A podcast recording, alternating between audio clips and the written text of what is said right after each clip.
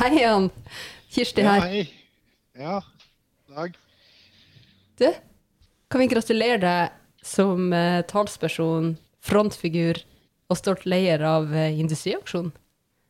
Jo, takk for det. Ja?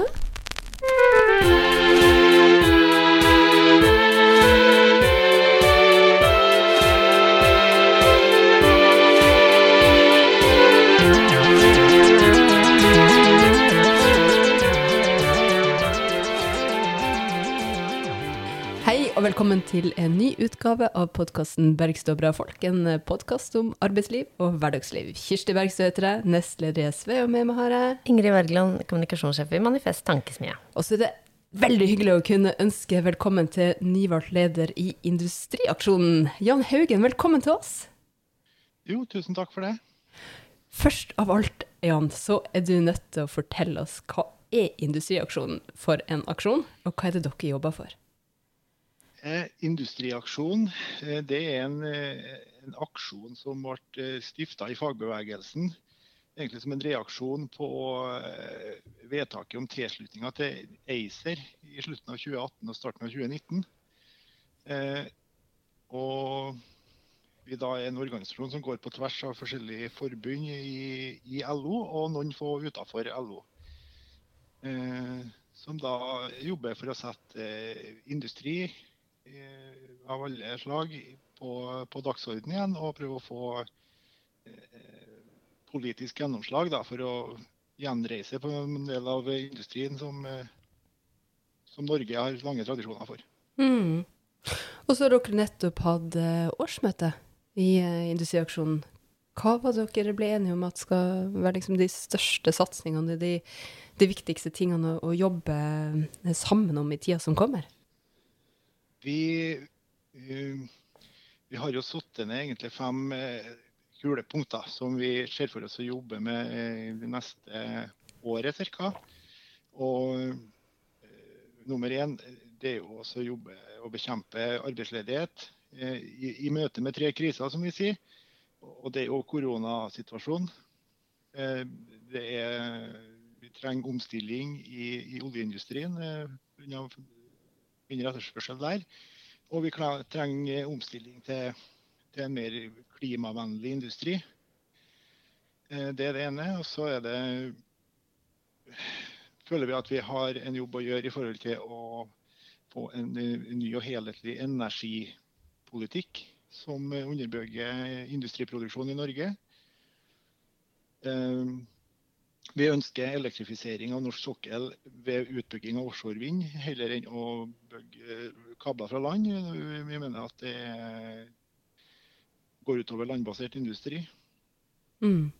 Eh, Nummer fire, vi vil ta i bruk eh, hele landet.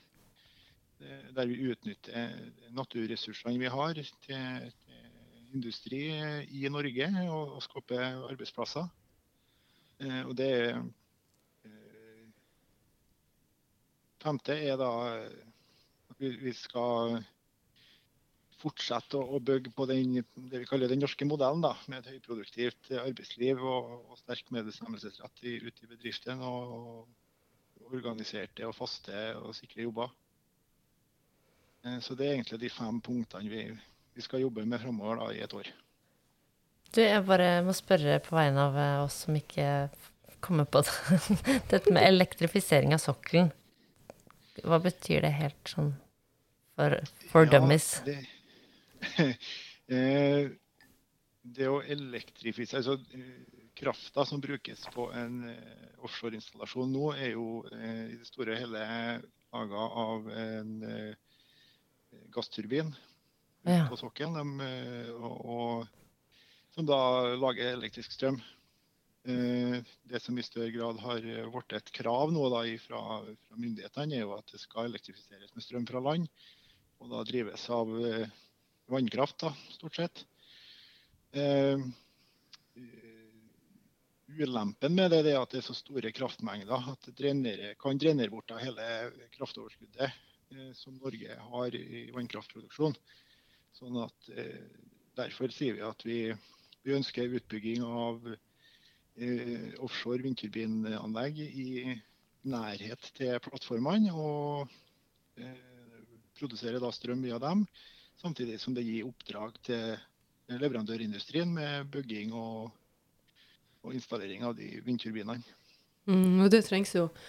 Uh, men, men, det er fordi at dere frykter at det å, det å uh, skulle ha krafta gjennom kabler fra land, da vil man komme i direkte konflikt eller konkurranse med stabil leveranse til kraftkrevende industri? Ja, det stemmer. det er et av de store fortrinnene til den kraftforedlende industrien i Norge er jo lave strømpriser. Eh, som gjør at de er konkurransedyktige med eh, resten av verden.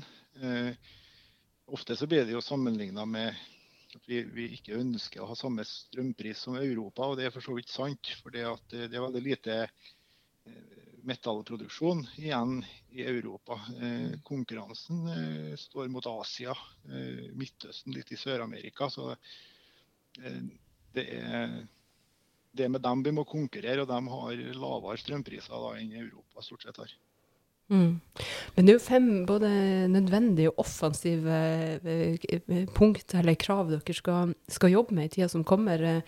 Eh, på hvilken måte er det, er det dere tenker å jobbe med dem? Er det opp mot partiene, eller er det å sette støt inn i først og fremst fagbevegelsen, eller kommer vi til å se enda mer av, av industriaksjonen i, i offentligheten? Vi tar jo mål av oss til å prøve å jobbe på flere fronter. Eh, nå hadde vi med oss eh, en del politikere til å holde innlegg på årsmøtet i går. Eh, og benytta jo sjansen til å eh, på en måte avtale med dem at vi, vi ønsker et videre samarbeid. Eh, både inn mot partiprogram og, og kanskje etter det òg. Mm. Eh, samtidig så ser vi jo for oss å kunne være ute i media. Eh, både med leserinnlegg og kanskje noen rapporter og, og, materiell som gjør at vi blir synlige der. Eh, det er vanskelig å gjennomføre noe mye sånne store markeringer eller sånne konferanser alt det her i koronatida, så vi må jo jobbe eh, fra hver vår kant av landet stort sett, og via nettet. Men det tror vi at vi skal klare. Det er jo det som er så fint med industrien, at det er jo på hver sin kant av landet. Ikke sant?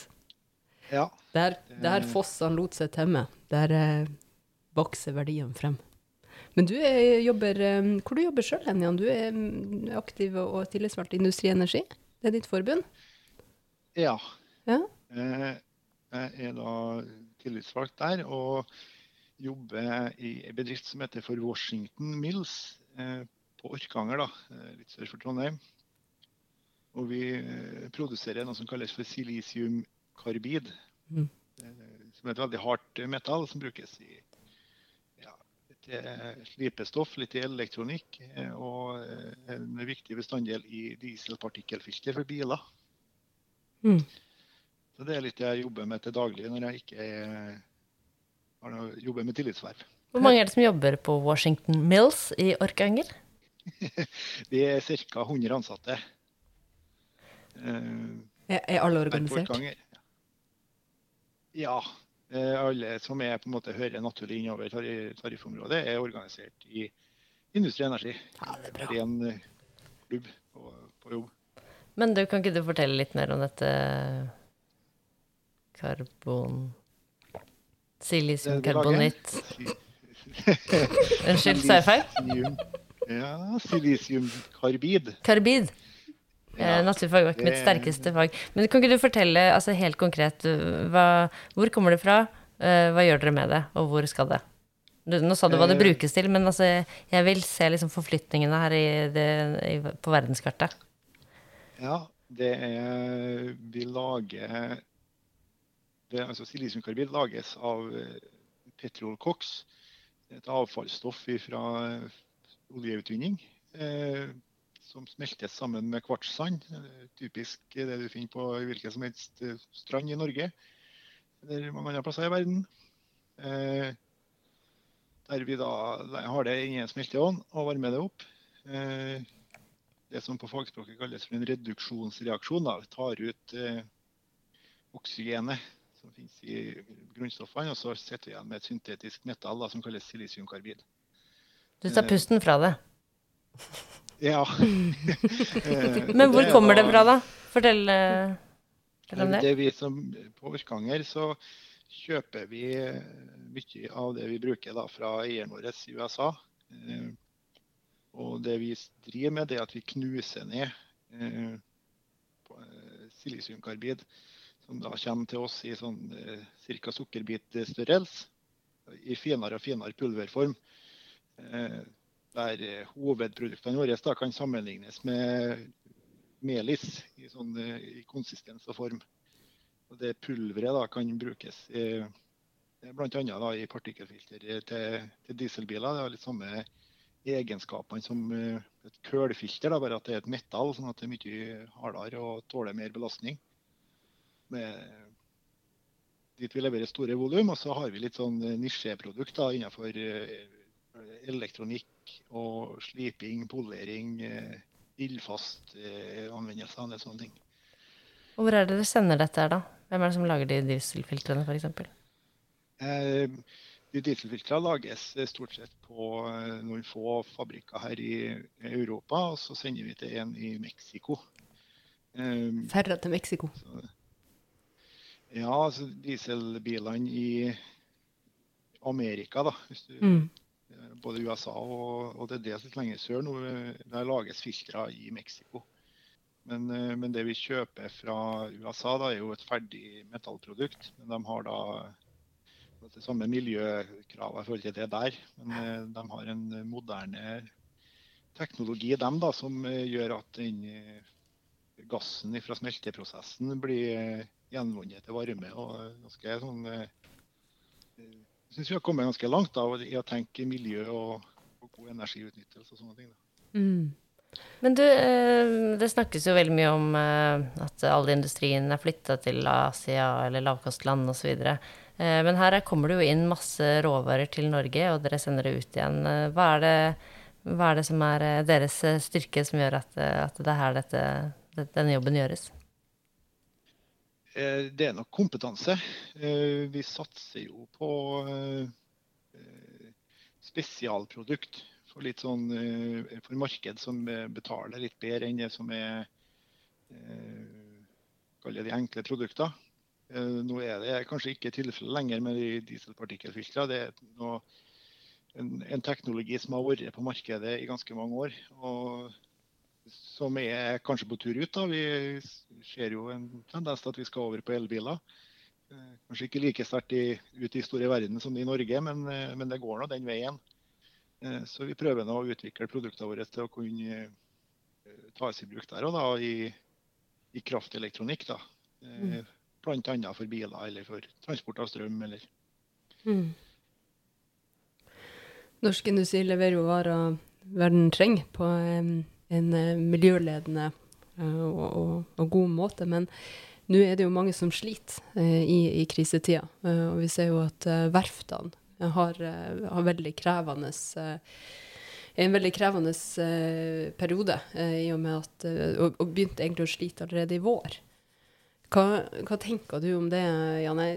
Jeg er jo, er jo veldig frustrert over den såkalte oljepakka og, og skattelettene som, skulle, som kom, kom oljeselskapene til gode, og som liksom også skulle være et løft for, for verftene, men som vi ser at virkelig ikke altså De av oss som kritiserte dem for ikke de pakkene som kom, for ikke å, å, rent faktisk ta eh, ta ansvar for den krevende situasjonen verftene var i, eh, fikk jo dessverre rett. Eh, hvordan ser du på, eh, på situasjonen, særlig for verftsindustrien, eh, Jan? Ja, altså, de har det jo eh, tungt. Eh, noen av verftene fikk jo litt drahjelp av den, eh, den oljepakka og fikk utløst noe eh, oppdrag. Eh, så, men, men det er klart det skulle gjerne ha hjulpet mer. Eh, nå er det sånn at det er jo underleverandørene ja, som, som får det først når oljeselskapene begynner å spare og det stopper opp i investeringene.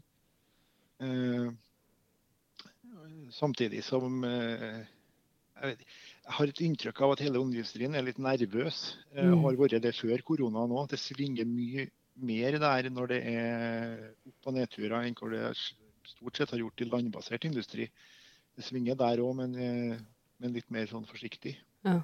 Eh, eh, og, og, den situasjonen verftsindustrien er i nå, er jo et resultat av tidligere svingninger, sånn som jeg ser det. det da vi kalte det Asiasyken. Eh, når alt hasta så voldsomt at de var nødt til å kjøpe plattformer fra eh, Korea. Mm. Så, så, var det jo med også Det dempa etterspørselen til kunne, altså Det kunne vært strekt ut. da. Mm. Vi venta med litt av bygginga den gangen, og så har vi hatt oppdrag nå i stedet. Jeg tror jeg nok har vært en mer fornuftig tilnærming enn den voldsomme aktiviteten som var rundt 2010. Mm. Mens du, er ikke så tøft å måtte stenge ned pga. koronasmitte og, og ha store tap i tillegg til at, eh, til at, eh, Ja, nå får de det jo dobbelt ja, opp, da. Det, det sånn at ja, de er jo det er jo ganske unorskt, syns jeg, da, å ha en, være så avhengig av en av innleid arbeidskraft, som det er noe av den leverandør- og verftsindustrien er. At når smitten blusser voldsomt opp, nå, sånn som vi ser i Polen, så, så blir det store problemer. For det at eh, langt over halvparten av arbeidskrafta i hvert fall er fra utlandet. Mm. Eh, vi har ikke klart å holde den kontinuiteten som er nødvendig til å ha faste arbeidsplasser i verftsindustrien. Og har vi hatt det, så, så har ikke vi hatt de problemene nå. Verken med, med sysselsettinga, tror jeg, eller med, med, import av smitte. Du, vi må haste videre, Jan. Det er veldig interessante tema man kunne snakket lenge og vel om. Men uh, vi, vi, kan ikke uh, ha en sending uten å stille vårt faste spørsmål. Nemlig? Hva var din første jobb? Det var en eh, sommerjobb på uteavdelinga for det som den gangen het Meldal kommune. Da var vi skoleungdom som kunne søke på, på, jobb der. og Så fikk vi utlevert en gammel Masta pickup og noen plenklippere og litt sånn eh, hagearbeid på kommunens arealer i noen uker på sommeren. Uteavdeling? Jeg trodde det var noe sånn uteseksjonaktig Nei, her på landsbygda så er, så er uteavdelinga eh, de som tar vare på, på plenareal og parker. Eh, og vi har lite den typen uteavdeling som dere tenker på, ja. Mm. Men eh, ble du, fikk du grønne fingre da, den sommeren? Ikke så veldig grønne fingre, men det var en grei start på, på arbeidslivet, syns jeg. det Heller enn å prøve å eh, ja, altså bli tatt inn på en, en useriøs arbeidsplass, så kommer vi fort inn i et miljø der det er ja, der de som var fast ansatt, var, var, organisert og alt var på stell. Da. Så det sånn sett var en positiv opplevelse, syns jeg. Mm. Det er fint. Det var en eh, gladhistorie fra, fra ungdomstida. og ute eh, Hva, hva kalte du ute... Uteavdelinga? Uteavdelinga. Uteavdelinga. Man kaller jo eh, alle sånne ting litt forskjellig eh, i ulike kommuner. Så der heter uteavdelinga. Tusen takk for praten, Jan. Vi er nødt til å snakke mer i lag. Det hører jeg bl.a. om de store utfordringene eh, med innleie, med industriens eh, fremtid og kår. Eh, men nå vil vi bare først og fremst gratulere deg med et veldig viktig oppdrag. Og så gleder vi oss til å høre mer fra deg og snakke mer med deg. Takk for laget, og takk til deg som hørte på.